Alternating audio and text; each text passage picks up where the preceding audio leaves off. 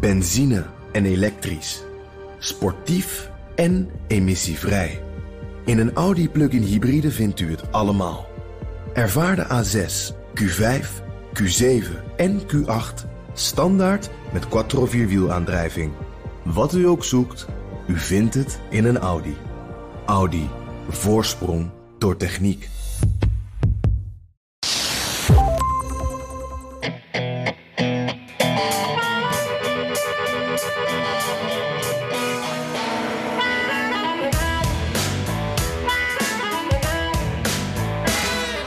Bij deze extra editie van de Amerika-podcast. Het gebeurt niet elke dag dat het Amerikaanse parlement een procedure begint om de president af te zetten. En dus gaan, gaan we dat van alle kanten bekijken. Mijn naam is Jan Posma. En ik ben Bernard Hammelburg. Jan en ik zitten aan de keukentafel bij mij thuis in New York. Eh, met een prachtig uitzicht over Manhattan en Ja. de Hudson Bay. Onder een, nou, het was net stralende zon, dat wou ik ook zeggen, maar er is nu een beetje bewolking. Donkere wolken. Heeft misschien te maken met het onderwerp.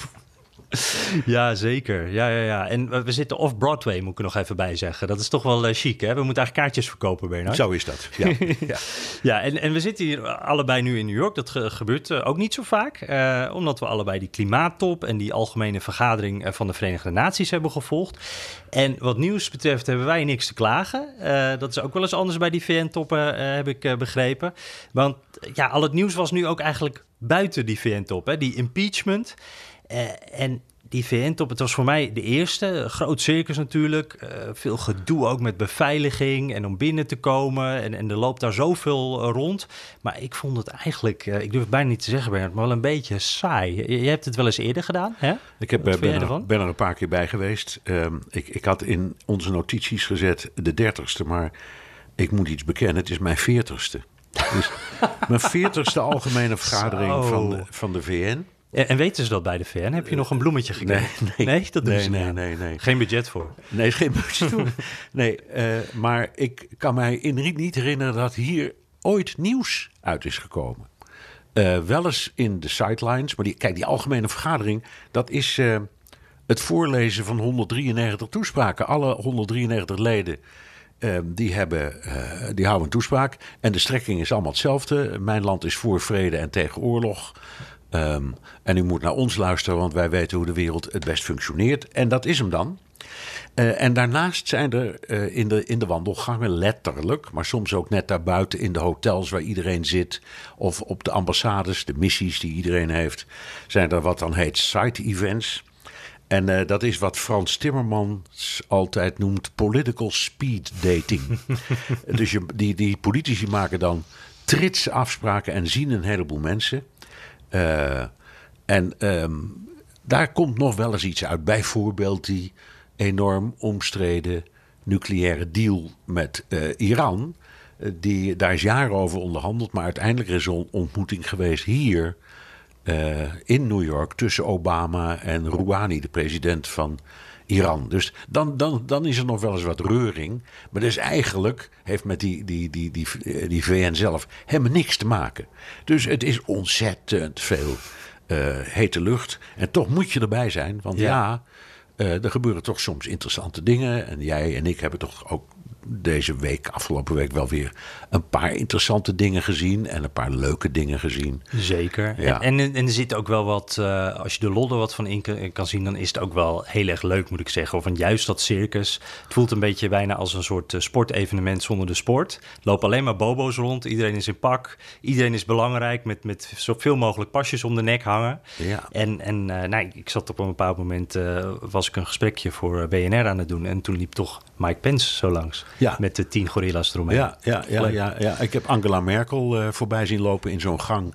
Dus ja, dat, dat zijn inderdaad, die, die zie je zomaar in het wild. Zo Ja, ja, ja. Is, is er nou eens van al die jaren dat je geweest bent ook een moment dat, dat, dat je zelf denkt van dat is wel mijn leukste VN-moment of opvallendste moment? Of gaan ze na die jaren een beetje in elkaar over? Nee, eh, nee, maar dat zou ik hebben onthouden als je zou zeggen... joh, dit, dit, dit is echt een hele grote gebeurtenis, prachtig.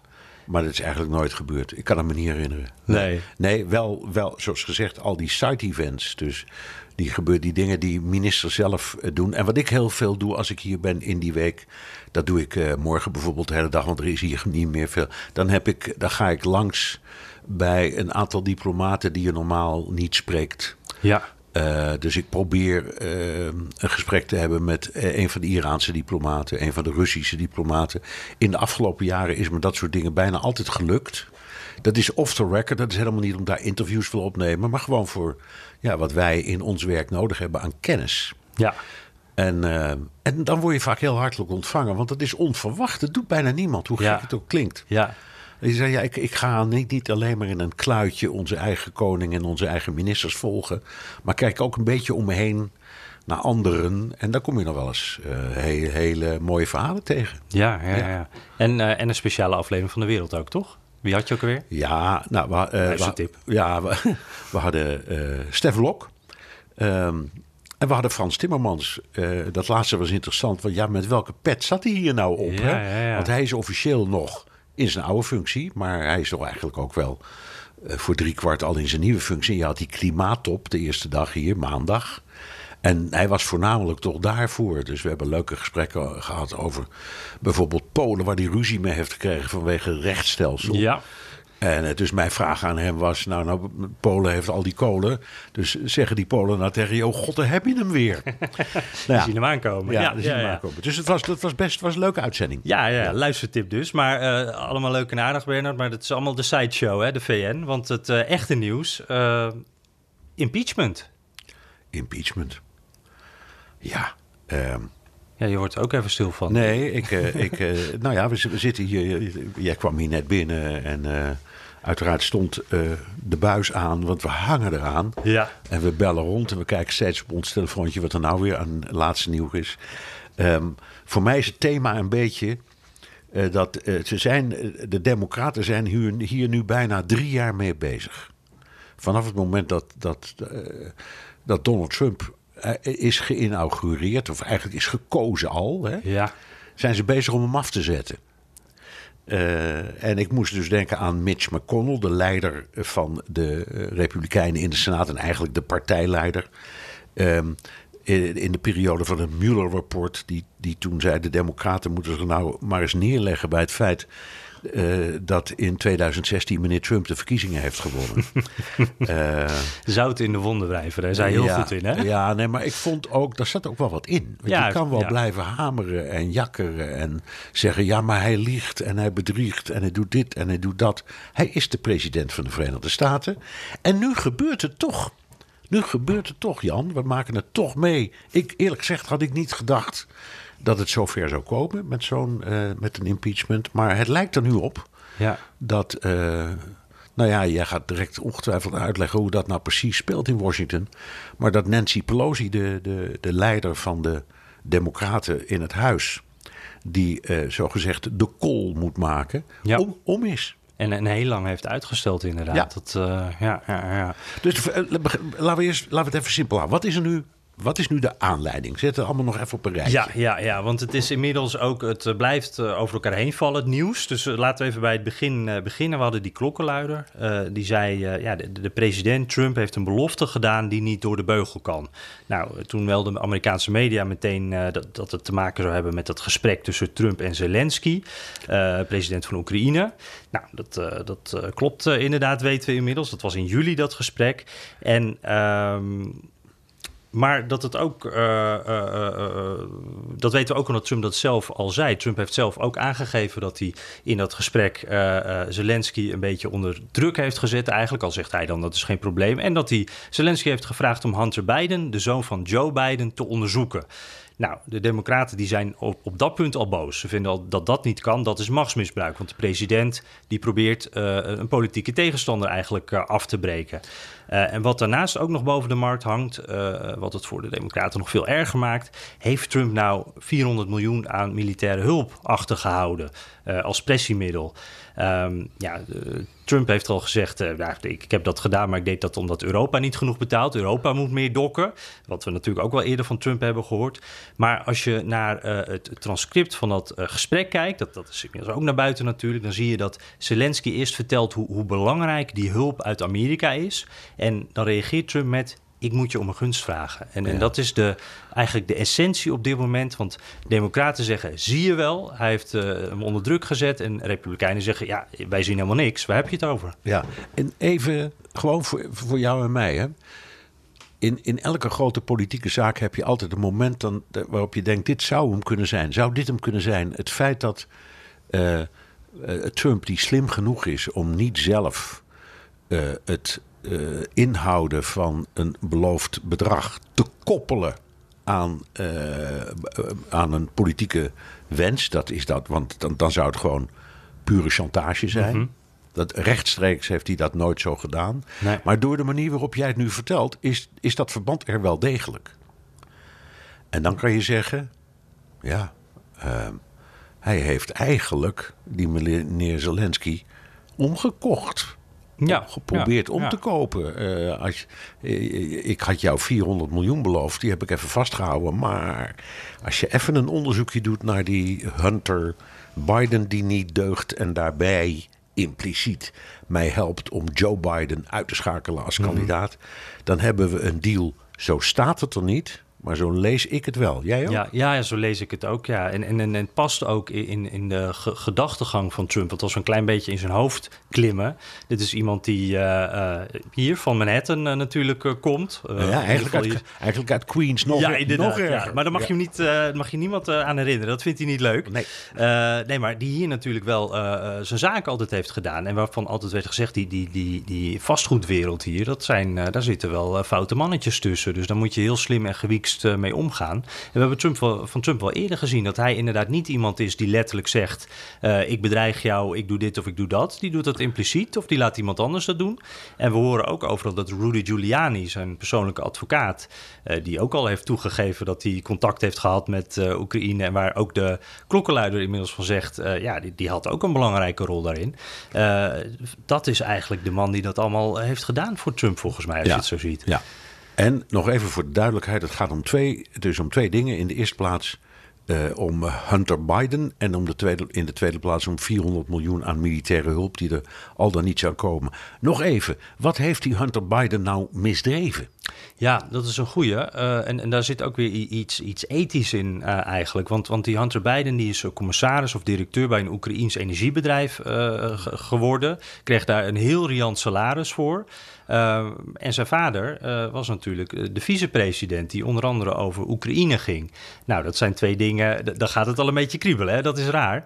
En, uh, Ach, ik ken presidenten die hebben hun eigen kinderen als adviseur, dus dat kan ook. Ja, Oké, ja. maar goed. Maar die hebben dan weer andere. Nee, maar um, het, het, wat daarbij dan, dan interessant is, dat, dat Joe Biden heeft tijdens het vicepresidentschap ook op een bepaald moment een, een aanklager of een onderzoeker, heeft hij, ja, heeft hij pressie gezet dat hij ontslagen zou worden. Want die man. Een Oekraïner. Een Oekraïner, inderdaad. die in Oekraïne onderzoek deed naar corruptie.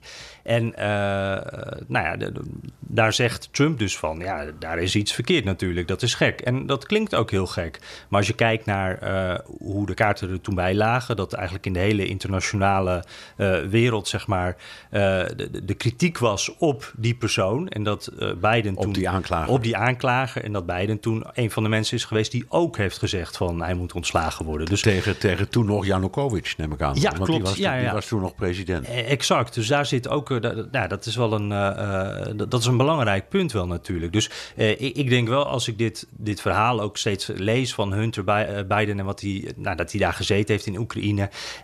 als die geen Biden had geheten, dan had hij natuurlijk niet dat enorme salaris gekregen en had hij daar, en was hij daar niet commissaris geweest. En dat zit wel, dat, dat is schimmig natuurlijk. Maar feitelijk heeft Joe Biden iets verkeerd gedaan, heeft Hunter Biden iets verkeerd gedaan? Ja, nee. Nee. Voor zover we weten. Voor zover we weten. Nee, goed. Maar goed, het, het, het riekt in, in elk geval. Uh, ik denk dat als je dat in West-Europa zou horen van iemand op dat niveau, een minister, een president, een premier, dat, dat hij op deze manier in het buitenland probeert invloed uit te oefenen, is dat onmiddellijk de val van een kabinet. Dat overleef je geen dag. Mm Dus wat dat betreft begrijp ik het wel. Um, nou ja, nu is de vraag is hier nu sprake van een, wat dan heet een impeachable fact. Dus heeft de president, of heeft de president met uh, dit gesprek met uh, de Oekraïense president uh, en misschien de chantage, wat dan heet tit for tat, geld voor informatie, heeft hij daar nou de wet mee overtreden in de zin van impeachment. Nou, en, en daar mo- moet ik jou eigenlijk even voor hebben, want jij weet dit als geen ander uit te leggen. Want dat draait natuurlijk om die high crimes en misdemeanors. Ja, er staat, er staat letterlijk Ja. in de grondwet dat je kunt de president eh, eh, afzetten. Ik heb het weer even opgeschreven. Als er spra- sprake is van treason, bribery or other high crimes and misdemeanors. Dat betekent verraad, omkoping of andere ernstige misdrijven of overtredingen. En nu is het probleem, niemand weet wat dat nou precies betekent. Nee, het is heel vaag. Het is heel vaag. De eerste keer dat eh, er een impeachmentprocedure was, was tegen president Johnson in, ik geloof, 1868. 18. Ja, zoiets lang geleden. Dat was de opvolger van Lincoln, dus net na de, eh, Ja. na de ehm, burgeroorlog. Ehm, en het ging eigenlijk bij die man ook om het interpreteren van de macht. Het congres vond dat hij veel te veel macht naar zich toe trok. Had hij niet een minister Ja, of zo? ja. Ja. maar de, de, de echte zaak was, hij wilde eigenlijk een deel van die verworvenheden van Lincoln weer terugdraaien. Ja, ja, hij wilde ja, weer een beetje, hij, hij lonkte weer naar het zuiden, zal ik maar slavernij. zeggen. En hij lonkte weer een beetje. En toen heeft hij op een bepaald moment, had een minister die protesteerde, de minister van Defensie, die heeft hij afgezet. Ja. En toen zei het congres, wacht even, daar gaan wij over. Eh, dus dit is een impeachable offense. Dit is Ja. een high crime. ja. Eh, was ook heel goed dat dat is gebeurd. Want daarna is in, ik zal maar zeggen, in het constitutionele denken hier vastgelegd dat de president daar echt zelf over gaat. Dus het was in die zin ook nog een hele nuttige zaak. Ja. Maar het is tot eh, zo- zo'n im- impeachment. Als, als dus het Huis van Afgevaardigden vindt dat, hier, dat er sprake is van een misdrijf. Dan kan het Huis van Afgevaardigden, en dat maken we waarschijnlijk nu mee. de Articles of Impeachment instellen. En dat betekent eigenlijk niks anders. We stemmen erover. Vinden we dat er sprake is van een impeachable offense. dan is een absolute meerderheid genoeg dan is het Huis van Afgevaardigden op dat moment de aanklager. En die legt het neer bij de Senaat en dat wordt de rechtbank. En even wachten, want eh, het huis, daar hebben de Democraten natuurlijk de meerderheid. Ja. Eh, we weten ook dat er een me- meerderheid inmiddels is. Maar ze hebben nog niet gestemd volgens mij, hè? Nee, nee, het moet nog gebeuren. Ja. En eh, ja, daar is ook een hele discussie over. Ehm, want je hebt bijvoorbeeld het congreslid Neder, een van de belangrijke Ja, commissievoorzitters. Ehm, en die zegt: We hebben al lang gestemd. Eh, we zijn het er al lang over eens dat er impeachment loopt. Ja, ja, ja. Dus er is nog heel ingewikkeld om Ja. uit te kijken of onder, onder elkaar die democratische congresleden het er wel over eens kunnen worden.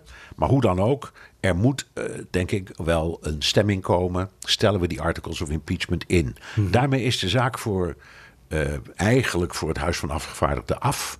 Want die is niet meer dan aanklager, heeft daarmee een aanklacht gedeponeerd bij de Senaat. En die is in meerderheid republikeins. Republikeins, ja. Je hebt dan twee derde nodig om een impeachment te winnen. En dat is in de hele Amerikaanse geschiedenis nooit gebeurd. Er is dus nog nooit een president afgezet. En voorlopig, eh, die driekwart meerderheid, dat, dat gaat dan ook echt niet worden. Hè? Nee, natuurlijk niet. Ik, Nee. eh, ik, heb nog, ik, ik heb een paar republikeinen gezien die een beetje twijfelen. Of die, die zeggen van, ik maak me zorgen. Maar ik, eh, eh, Lindsey Graham hoorde ik eh, vanmiddag, die, er is niks aan de hand, helemaal niks. Nee. Nee, maar die is in, in deze kwestie en andere ook. Dat is dan een, een, een hele bekende en ook prominente. uitgesproken conservatieve senator, die Lindsey Graham. Maar die is ook wel heel erg his master's voice, hè? Wat, Geworden. Wat, wat Trump betreft, ja. Ja, ja, ja. Ja, dus eh, Maar ook breder, want je hoort dan Mitt Romney bijvoorbeeld, wat ook een beetje, en dat is een uitzondering, ook binnen die senaat een Ja. beetje, hè, maar die zegt dan, nou, ik maak me wel zorgen, maar dat is het dan. En, en die andere republikeinen, die, die, ik heb heel veel gehoord vandaag, oh, ik, eh, dat eh, de laatste, de klokkenluiders eh, aanklacht, zeg maar, van, heb ik nog niet gelezen, kan ik niks over zeggen. En mensen die zeggen, niks aan de hand. nee. Dus ik, ik, volgens mij, die republikeinen gaan niet om, toch? Nee. En dat, dat maakt het- dat illustreert wat je nu zegt ook heel aardig hoe ingewikkeld het is. Want die definitie over high crimes en misdemeanors, dat klinkt als een juridische formulering. Heb ik een misdrijf Ja. gepleegd of niet? Ja.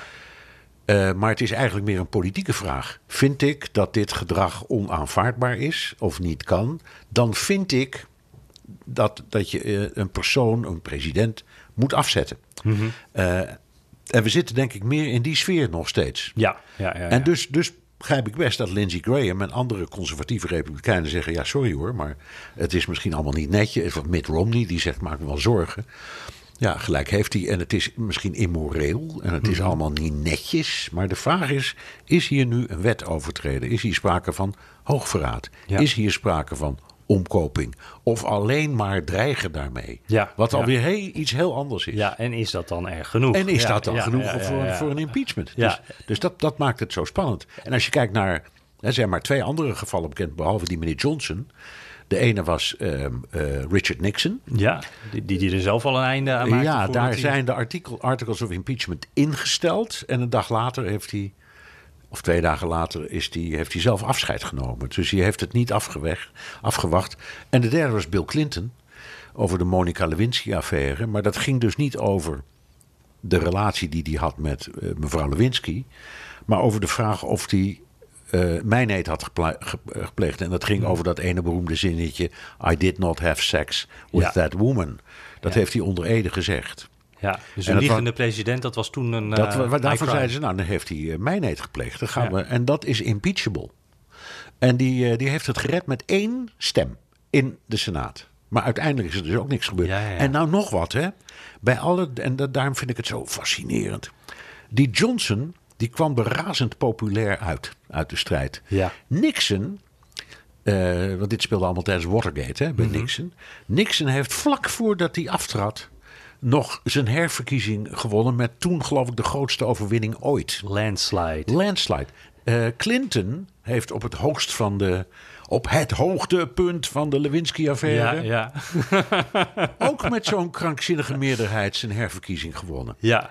En Dus- hij had de economie natuurlijk. Natuurlijk, natuurlijk. Ja. En waren allerlei eh, factoren die een rol speelden. En het gaat bijna altijd over de economie. Maar toch. Zou je kunnen zeggen, dit is even een beetje filosoferen hoor, maar stel dat die economie nu minder goed gaat, wordt de kans nog groter dat Trump geïmpeached wordt? Ja. Terwijl de feiten hetzelfde blijven. Ja, ja ik denk van eh, wel. Eh, en eh, ook als dat niet gebeurt, nemen überhaupt zijn kansen enorm af. Want hij leunt natuurlijk, eh, it's the economy stupid. Hij, de, de- ieder, iedere, iedere Amerikaan weet eh, dat Trump de hele boel bij elkaar liegt. En de meeste Amerikanen vinden dat allemaal niet zo erg. Omdat de grote lijn is tot nu toe best aardig geweest. Ja. Economisch en tot op zekere hoogte ook filosofisch. Dat een beetje je afkeren van de hele wereld en niet overal politieagent willen zijn.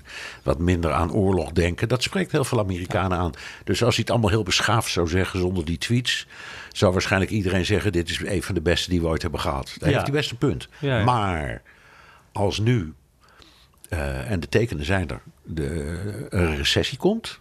Dus twee kwartalen achter elkaar negatieve groei. Ja. Eh, en ze redden het niet met het verlagen, verlagen, verlagen van toch al een negatieve rente. Ja, dan is er echt een probleem. Eh, en dan zou ik, als ik in dat congres zat, me ook meer ge- geenthousiasmeerd voelen om te denken: Nou, weet je wat? Dan ga ik maar eens even die impeachment eh, Ja, kwestie ja, in. Eh, want dan krijgen we een schoon speelveld. Dan moet die man weg.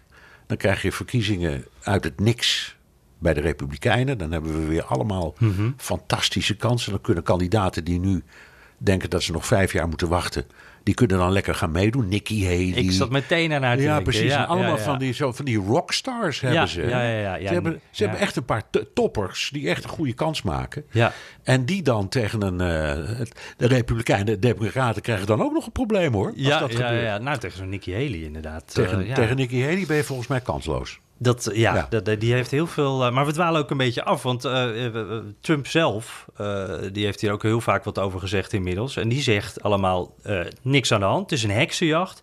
En de Democraten gaan hiervoor de prijs betalen. The witch hunt continues, but they're getting hit hard on this witch hunt because when they look at the information, it's a joke.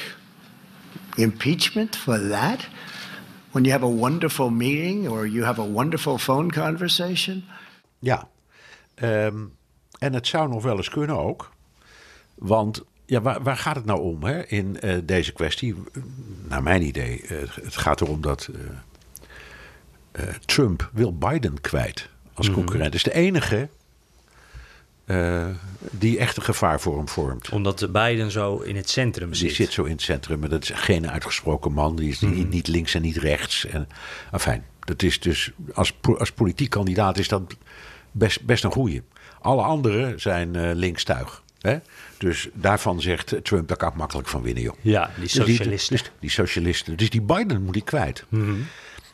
Hoe harder ze schreeuwen, hoe harder ze hiermee tekeer gaan... hoe groter de kans is dat de mensen zich ook echt gaan afvragen... ja, maar wie heeft hier nu meer geblunderd? Wie was minder zuiver op de graad? Trump door hulp te vragen aan die eh Oekraïense president. Ja, zo erg is dat niet. Of Biden, die zo link was als een looie deur in die hele periode... en wiens zoontje niet deugde. Dus Ja. je hebt best kans... Eh, en dan nog wat. Het gaat er altijd om, ehm, om schuivende kiezers. Twijfelende kiezers. Ja, ja. zwevende kiezers. Hoe harder dit eh, wordt gespeeld, hoe groter de kans dat die zwevende kiezer dan toch naar Trump toe kruipt. Dus ik denk dat hij met die waarschuwing nog gelijk heeft ook. Het is een enorm risico wat ze nemen. Ja, ja, ja, dat denk ik ook. Want ze weten, ze, weten nu dat ze beginnen, maar ze hebben geen idee hoe het gaat eindigen. En de kans is heel groot dat het voor de Democraten helemaal niet zo fijn eindigt natuurlijk. En dat het in ieder geval, die strijd die is nu al begonnen. Ik krijg er een enorm déjà vu gevoel ook bij. Hoe Biden nu eh, consequent steeds eh, op dit feitje eh, wordt aangesproken. In alles. Het gaat alleen nog maar hierover met Biden. Het is nu ook het eerste waar jij en ik aan zullen denken als we het over Joe Biden hebben. Terwijl dat een maand geleden nog heel anders was. En dat doet me zo denken aan Hillary Clinton en haar e-mails. Dat is Ja. ook iets dat zit zo in onze hoofden. Ja. En dat is door dat bombardement vanuit Trump constant over, over die e-mails. En nu dus over eh Oekraïnegate noem ik het maar eventjes. Ja, lock her up. Lock her up. Het heeft. En het heeft gewerkt. Ja, bij Ja. Clinton bedoel je? Of Ja, ook ja, al bij Biden? Ja, ja, ja, ja, ja. Nou ja, maar je, zoiets kan hij weer gaan doen. Hè. En het feit, dat is wat jij heel terecht zei, dat helemaal aan het begin toen we net begonnen eh, met eh, deze podcast, toen zei je dat het opmerkelijk was dat eh, Trump zelf ook met het verhaal naar buiten kwam. Mhm. Dat is duidelijk omdat hij denkt: wacht even, jullie willen mij aanvallen. Het is precies andersom. Aan Ja. mij valt niets te verwijten. Die Biden valt wat te verwijten. Ja. En, en heb ik van jou geleerd: als hij eenmaal zo'n pad kiest, dan blijft hij daaraan vasthouden. Dus van nu tot de verkiezingen, al is Biden bij wijze van spreken in een ander land gaan wonen, zal, Ja. die, zal die blijven zeggen: die Biden, dat is een schurk. Daar wil je niks mee te maken hebben. Ja, en dan zou je nog zeggen van, oh, dat is wel fijn voor Hillary Clinton dan. Die is dan eindelijk off de hoek. Maar eh, eh, eh, Trump die vroeg dus ook nog om onderzoek te doen naar zo'n e-mailserver... waar dan mogelijk die e-mails van Clinton ook weer op staan. En die gekte e-mails van de, de, de Democratische Nationale eh, Partijen. hè. Dus eh, eh, Ja. dat, komt, dat vond ik ook wel eh, onthullend. Dat Trump dat dus nog steeds in zijn hoofd heeft. Daar moet ik wat mee. Daar, Ja. daar, daar wil ik onderzoek naar. Ja. Dus eh, 2016 is in zijn hoofd eh, nog lang niet voorbij. Nee, nee, dus wat dat betreft even terug naar Mitch McConnell. Die zei de, de democraten moeten maar aanvaarden Ja. dat Trump heeft gewonnen. Hij moet misschien zelf ook maar aanvaarden dat hij heeft gewonnen. ja. En niet Ja. meer zo knokken, want hij is de president van de Verenigde Staten. Ja, nou ja, dat zou je wel. Dat, hij heeft het ook misschien helemaal niet zo nodig op deze manier, toch? Maar ja, hij kan niet anders, denk ik. Nee. Ehm, Jan, Ja. belangrijkste vraag. Eh, hoe belangrijk vindt de Amerikaanse kiezer dit allemaal? Ja, dat is een, een heel goed punt. Ik ben er even een beetje ingedoken. Ehm, want er was in ieder geval eh, op het moment dat wij deze podcast opnemen, was er één peiling over gedaan. En die is precies gedaan in die periode dat dit, eh, dit allemaal ging lopen. Dat dit, dit schandaal ging lopen. En de, daaruit kwam, het was trouwens Quinnipiac. Ik vind het altijd zo'n Ja, opname om uit kan te ik ook spreken. niet uitspreken, Nee, hè? maar, ja. Eh, Quinnipiac University, eh, een pijler. En die hebben eh, gepeild dat eh 37% van de stemmers zeggen dat Trump impeached moet worden. Dus dat is een eh, flinke minderheid. Eh 57% vindt dat hij wel impeached moet eh, wat zeg ik nu? Oh, dat hij niet impeached moet worden. Dus de meerderheid vindt dat hij niet impeached eh, moet eh, worden. En wat ik daarbij zelf wel weer heel interessant voor, vond. Democraten, daar is 73% voor impeachen. En maar 21% tegen. Republikeinen, ja, natuurlijk precies andersom. Maar 4% is voor impeachment en 95% tegen. Dat vond ik wel weer een gigantische tegenstelling. Ja. En ik ook wel eh, toch wel een teken hoe eh, sterk eh, Trump in zijn eigen partij staat. Dat was zijn strategie vanaf hij kandidaat werd. Ja, de base. En dat is hem toch verdomd goed gelukt hoor. Ja, ongelooflijk. Ja, en, en daarmee houdt hij dan ook die partij zo in zijn greep. hè? Want Ja. die, al die eh, congresleden die denken ook aan hun eigen verkiezingen natuurlijk. Ja. En zolang die kiezers zo achter Trump blijven. Eh, ik moet even denken aan eh, CNN deze week. Die, die waren natuurlijk, die zijn helemaal alle toeters en bellen. Hè? Constant, non-stop. Je had het net ook aanstaan. En een van die presentatoren zei na die start van die impeachment: Welcome to the start of a national nightmare. Ik denk dat heel veel Amerikanen ook zuchten en denken: nee, ik wil dit helemaal niet. Nee. Ik heb hier gewoon geen zin. Los Nee. van wat ik van Trump vind, ik heb hier geen zin in. Nee. Hebben ze nog gelijk ook, want het is heel vervelend en het sloopt het land elke keer als zoiets speelt. Niet alleen om de kwestie zelf, maar omdat zo'n congres helemaal niet meer aan de regeren toekomt. Ja, het ligt allemaal stil De natuurlijk. begroting, eh, het onderwijs, de wegen, eh, de gezondheidszorg, de dingen waar het echt om gaat in het leven, dat komt allemaal stil te staan. Hetzelfde wat je met de Brexit hebt gezien in het Verenigd Koninkrijk. Dat is echt afschuwelijk waar ze, hè, die grote problemen met de National Health Service, dat komt echt daardoor. Ja, ja, ja. Om- Omdat, omdat al die politici geen tijd meer hebben om politicus te zijn. Alleen maar bezig zijn met, het, met deze loopgravenoorlog. Want dat, dat is het. Ja. Ja, nou ja, we zullen zien. Ehm, eh, voor ons moet ik eerlijk zeggen, want wij, dat, wij zijn natuurlijk toch altijd uit op sensatie. Ik ben daar heel eerlijk in. Ehm, ik vind het wel heel spannend hoor, zo'n... eh, Ja, ik ook. En die, en die, en die van, van Clinton heb ik helemaal van de eerste tot de laatste dag bijgezeten, bijgewoond.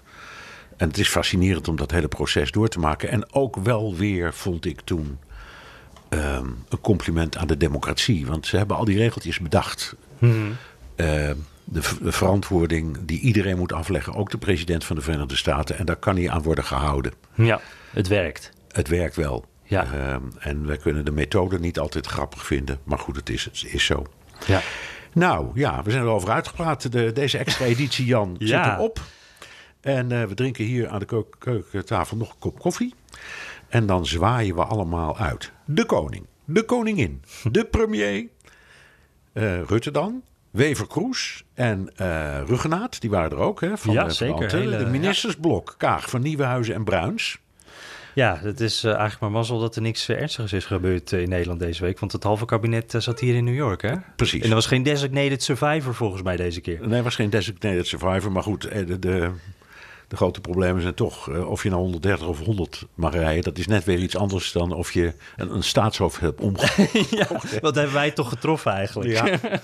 Oké, heb je nog reacties op onze podcast van, moet ik zeggen, vorige week? Ja, ja, ja. En een paar hele leuke, Bernard. Eh, ehm, ik pak even alleen de Twitter en de e-mail deze keer. De, de rest dat gaan we de volgende keer pakken, want waren er veel. Vinden we echt superleuk trouwens, moet ik nog even zeggen. Want eh, eh, nou, het is gewoon heel leuk om van jullie te horen allemaal. Via Twitter, Simon Kerkhofs. Nou, leuk compliment, echt een leuke podcast waar ik de hele week naar uitkijk. Blij met de balans. En op Twitter, JSCH uit Groningen. En hij reageert op een video die ik gedeeld had eh, op Twitter. En dat was eh, ja, een hele grappige video waarin eh, Sean Hannity en In Graham, de, de twee kopstukken van Fox News, die hebben daar een beetje ruzie. Die, ja, Hannity die, die pest eigenlijk een beetje de, de, de, presentator die na hem komt en die zegt van ja, jullie hebben toen die speech van Trump niet helemaal uitgezonden. Waar, waar- hoe zit dat nou? Wa- Waarom hebben jullie dat niet gedaan? En toen zei die andere presentator, ja, is dit nou het Witte Huis die praat of ben jij het zelf die praat? Dus dat was een heel giftig moment. En eh, deze twitteraar die zegt nou, ehm, ja, dit zijn toch de anchors bij Fox. Eh, dat zou toch eigenlijk niet deze mensen moeten zijn die zo aan het gif gifbekken zijn, maar Chris Wallace. Dat is volgens mij nog echt een rot in het echte, tussen Ja. aanhalingstekens, vak. Wat vindt Bernard? Ja, dat vind ik ook. Eh, en alleen al omdat hij de zoon is van Mike Wallace. En dat was misschien wel ongeveer een, nou, een van de beroemdste journalisten die het land ooit, ooit, ooit heeft gekend. Heeft jarenlang bij 60 Minutes Ja, gewerkt voor CBS. beroemde. Tot, tot, tot het graf. Hè. Die, is tot, die is diep in de tachtig geworden. En heeft tot zijn laatste dag gewoon briljante interviews gemaakt en reportages. Die kreeg iedereen en alles. Ja. Maar dan ook echt iedereen en alles voor zijn camera. Eh, was snoeihard in interviewen, maar ook wel heel aardig. Ehm, en Chris heeft, vind ik, daar veel van geërfd. En die is, denk ik, door een soort speling van het lot bij dat Fox News terechtgekomen. Eigenlijk was het beter geweest als hij bij een van de traditionele networks terecht was gekomen. Ja, ook niet bij CNN, ook niet bij MSNBC, maar gewoon bij CBS of NBC of ABC. Want daar had hij waarschijnlijk het best eh, het kunnen doen. Dus een ik vind hem uitstekend en ook echt een uitzondering in, in, die, eh, ja, in die stroom van propaganda die van die zender komt. Ja, ja hij, hij lijkt soms een beetje het geweten of zo van die zender. Hè? Ja. Dat, uh, maar uh, wat, uh, ja, hoe kan het dan dat die man bij Fox is? Ja, je, dat is gewoon, er was een plekje. En, kijk je wel eens naar die salarissen? Weet je dat nou over, over Hannity? Dat, Met een schuin oog, ja. Geloof die Hannity zit geloof ik rond de 30 miljoen of zo. Dat ja, zijn allemaal... Ja, ja. Kunnen net even iets meer dan jij en ik. Ja, net. Maar we komen er wel met deze podcast ja, natuurlijk. Hey, ik had ook nog een e-mailtje van uh, Pieter Schijgrond. Um, ja, dat was wel een goed punt. In jullie afleveringen merk ik wel vaak dat, uh, een, een, dat het een oostkust georiënteerd is. Soms uh, kan ik bepaalde dingen daarom niet relateren aan wat ik hier in Silicon Valley observeer. Zouden jullie niet een keer hier naar Silicon Valley kunnen komen en eenzelfde blik op Amerika en Trump vanuit Silicon Valley perspectief kunnen geven? En toen dacht ik, ja, die man die heeft eigenlijk wel uh, een punt. Ja. Wij zitten wel heel erg aan die oostkust, hè? Is, is, is ook zo. Hij heeft voorkomen gelijk. Echt voorkomen gelijk. En wij praten wel vaak over Amerika, maar dan toch meer in het Middenwesten. Omdat, ja, ja daar zit de Trump-kiezer, dat is het fascineert ons. Hè, ja. Maar we hebben het eigenlijk nooit over de Westkust. Nee, dan Niet alleen Silicon, Silicon Valley is zo groot als Texel. Dus dan kun je zeggen, oké, okay, dat is dan nog niet eens zo groot. Wel belangrijk wel, hoor. wat duurder ook, ja. Jawel, en ook heel belangrijk. Ik ja. badineer het niet, maar dat hele grote Californië met zijn, wat is het, 45 miljoen inwoners, de vierde of de vijfde economie ja, ter wereld. Ja. Uh, waar zoveel gebeurt, waar uh, de, de, de, dat de grondslag is geweest van de milieubeweging. Het is allemaal in Californië ontstaan. Zulke belangrijke dingen. Eigenlijk vind ik uh, dat we uh, Pieter Schrijgrond gewoon eens rustig moeten gaan volgen hier. En, en bij het voorbereiden van een van onze volgende podcasts ons eens wat meer richten op The Other America. Ja, en dat is dan het Westen. dus ik ben, ik ja. ben hem dankbaar voor zijn. Uh, ja, ik ook. Dat is een zeer ja. goed punt. Ja. Oké, okay, heb je vragen, opmerkingen, kritiek of complimenten? Twitter dan naar apenstaart underscore Jan Postma underscore of at BNR De Wereld of mail naar dewereld.bnr.nl. Ja, de, de koffie is op. Ik drink het uit een Ajax-mok trouwens hier. Dat, uh, is die van uh, jou, David? Of van ja, Bernard of van David? Ja, die is van mijn zoon David. Dat dacht ik al. Je weet, dat is een Ajaxiet. Dat is, uh, hij heeft het... Toch een beetje als, Nederlands hier in nu. Ja, als ik niet over impeachment heeft, heeft hij het over Ajax. over Ajax. Dat zijn de twee onderwerpen. Nou, dank voor het luisteren. En vanuit New York tot de volgende keer.